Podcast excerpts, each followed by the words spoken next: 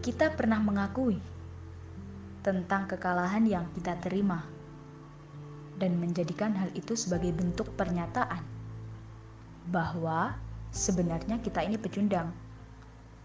Sehingga pada saat-saat itu semua yang datang seolah menyerang dengan berbagai macam cemoohan dan cacian. Bahkan diri kita sendiri pun tak henti-hentinya mencibir. Betapa nggak bergunanya, betapa bodohnya, dan my life is full of shit, and the world is a bitch. Tapi sadarkah, pada suatu kondisi kamu pernah menjadi seseorang lain yang melihat kawanmu yang sedemikian tidak berguna. They are toxic. Mereka hanya membuat dirimu merenung, murung dan marah. Bahkan, penuh isi kepalamu menelaah seluruh sisi buruk dari orang itu.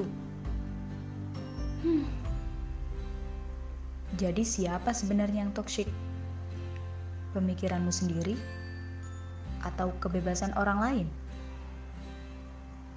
Oke. Okay.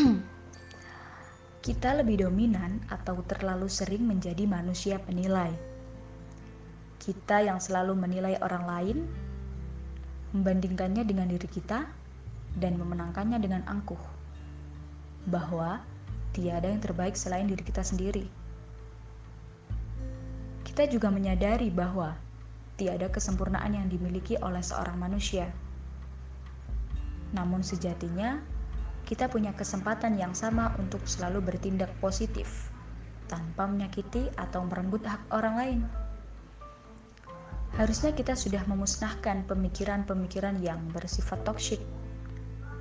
Jika terus-terusan demikian, ia akan menjadi benalu yang sampai kapan pun akan menjadikan diri kita semakin terpuruk. Kenapa?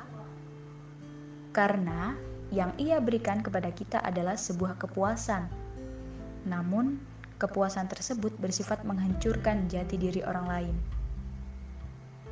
tidak ada yang salah antara diri kita sendiri atau orang lain. Dan yang paling benar adalah kita yang selalu berusaha untuk menjadi lebih baik. thank you